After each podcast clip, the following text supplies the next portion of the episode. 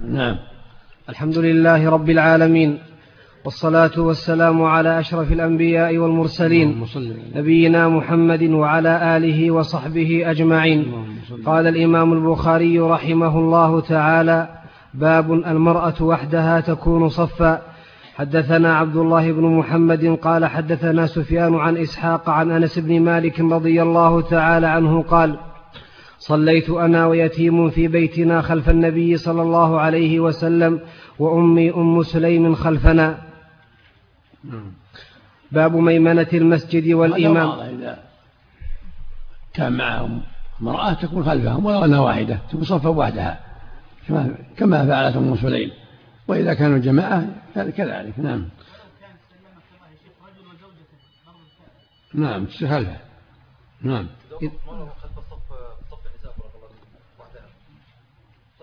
الأقرب والله أعلم أنها ما يجوز لها. إذا كان معها نساء تقف معهن كالرجال. نعم. الله اعتادت امرأة في بيتها أن تصلي مع بناتها جماعة في نعم. كل اعتادت امرأة في بيتها أن تصلي مع بناتها جماعة كل فرض. ما هي بس ما في حرج الحمد لله والله خير. في نعم. كل في كل فرض؟ ما في ما في معنى أحسن الله عليك. باب ميمنة المسجد والإمام. حدثنا موسى قال حدثنا ثابت بن يزيد قال حدثنا عاصم عن الشعبي عن ابن عباس رضي الله تعالى عنهما قال قمت ليلة أصلي عن يسار النبي صلى الله عليه وسلم فأخذ بيدي أو بعضدي حتى أقامني عن يمينه وقال بيده من ورائي. نعم. وهذا ظاهر في أن الموقف يكون عن يمين. لكن يظهر من هذا أنها لو صلى صحت. لكن يؤمر بأن يكون عن اليمين. لأن الرسول ما أمره أن يعيد تحريمه بل أداره واستمر في صلاته. نعم. باب إذا كان بين الإمام وبين القوم حائط أو سترة. وقال الحسن لا بأس أن تصلي وبينك وبينه نهر. وقال أبو مجلز يأتم بالإمام وإن كان بينهما طريق أو جدار إذا سمع تكبير الإمام.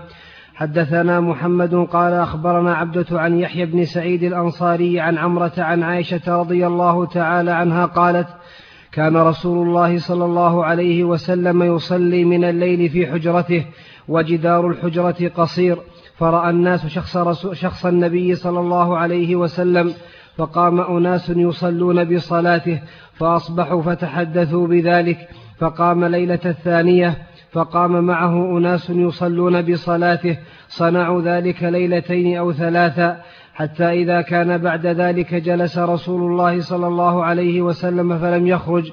فلما أصبح ذكر ذلك الناس فقال إني خشيت أن تكتب عليكم صلاة الليل.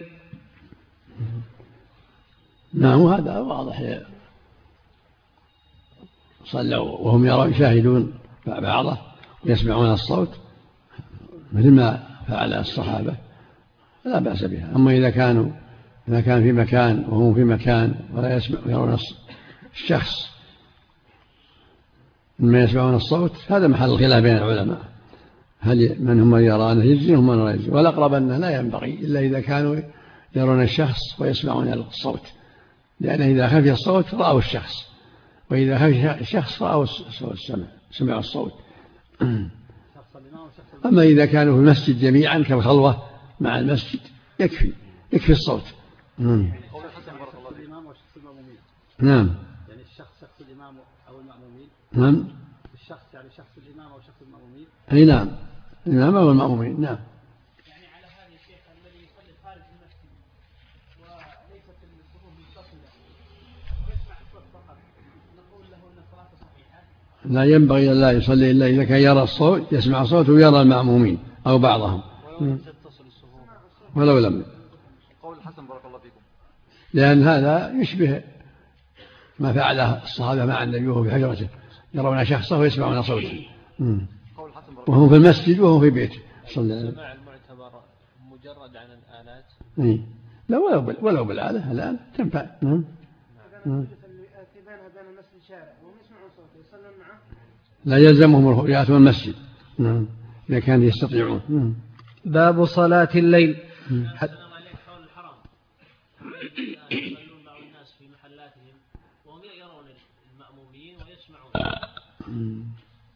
الواجب أنهم يذهبون للصلاة. مع المسلمين. يصفون معهم. نعم, نعم. إذا ضاع إذا حصل الزحام لا بأس. اتصلت الصفوف. نعم.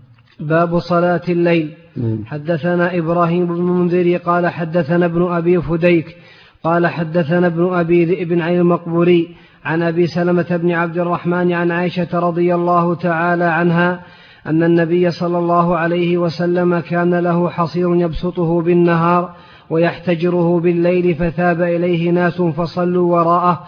حدثنا فصلوا, فصلوا وراءه. نعم. حدثنا عبد الأعلى بن حماد قال حدثنا وهيب قال حدثنا موسى بن عقبة عن سالم أبي النضر عن بسر بن سعيد عن زيد بن ثابت رضي الله تعالى عنه أن رسول الله صلى الله عليه وسلم اتخذ حجرة قال حسبت أنه قال من حصير في رمضان فصلى فيها ليالي فصلى بصلاته ناس من أصحابه فلما علم بهم جعل يقعد فخرج إليهم فقال قد عرفت الذي رأيت من صنيعكم فصلوا أيها الناس في بيوتكم فإن أفضل الصلاة صلاة المرء, صلاة المرء في بيته إلا المكتوبة.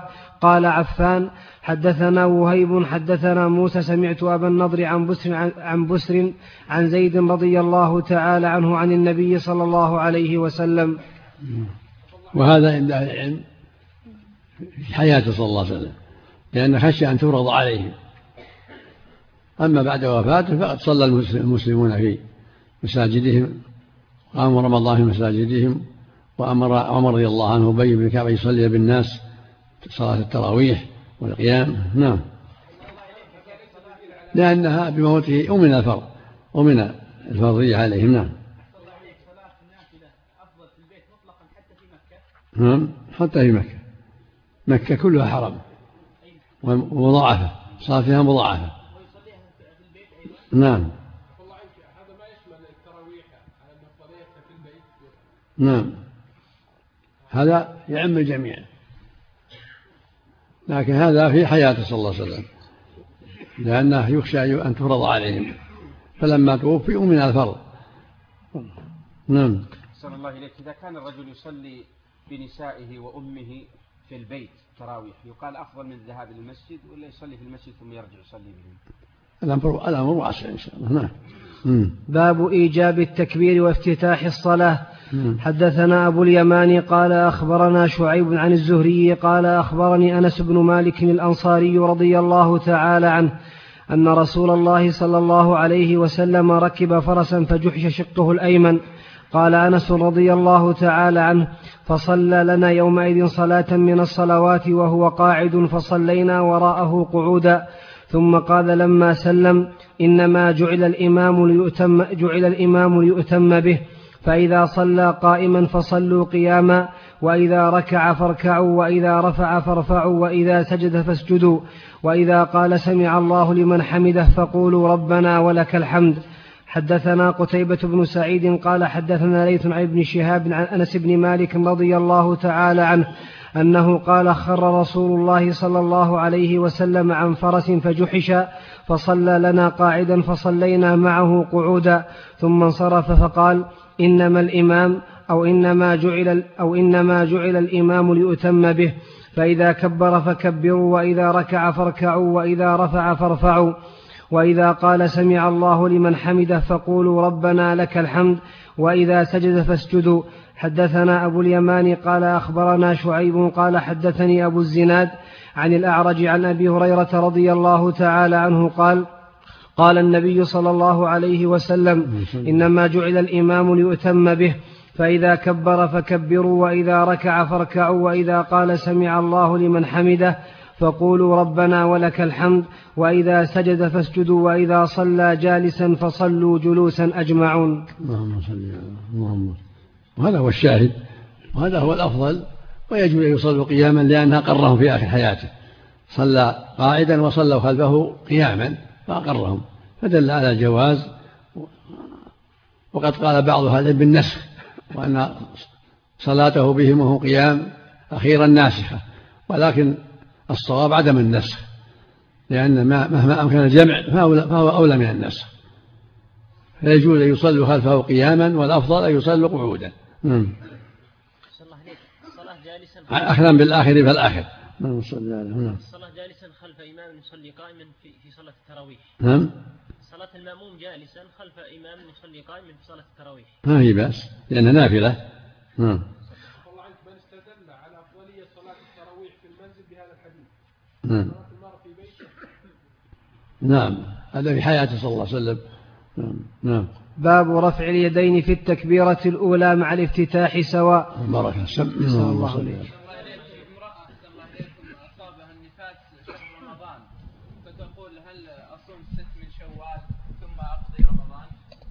لا تبدأ بالقضاء. الرسول قال من صام ثم أتبعه ست الست تابعة.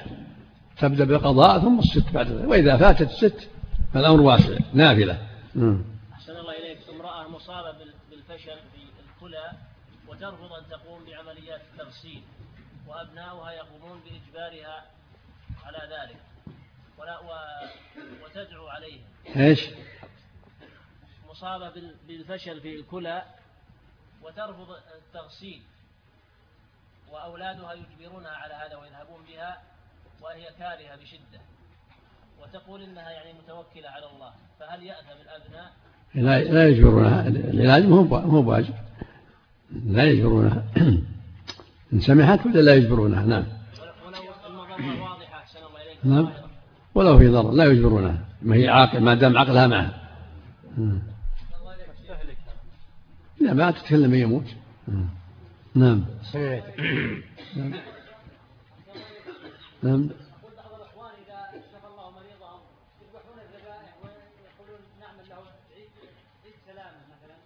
ما أنا في شيء. هذه شكر, شكر لله على نعمة العافية. لا ما أنا في شيء. نعم. نعم.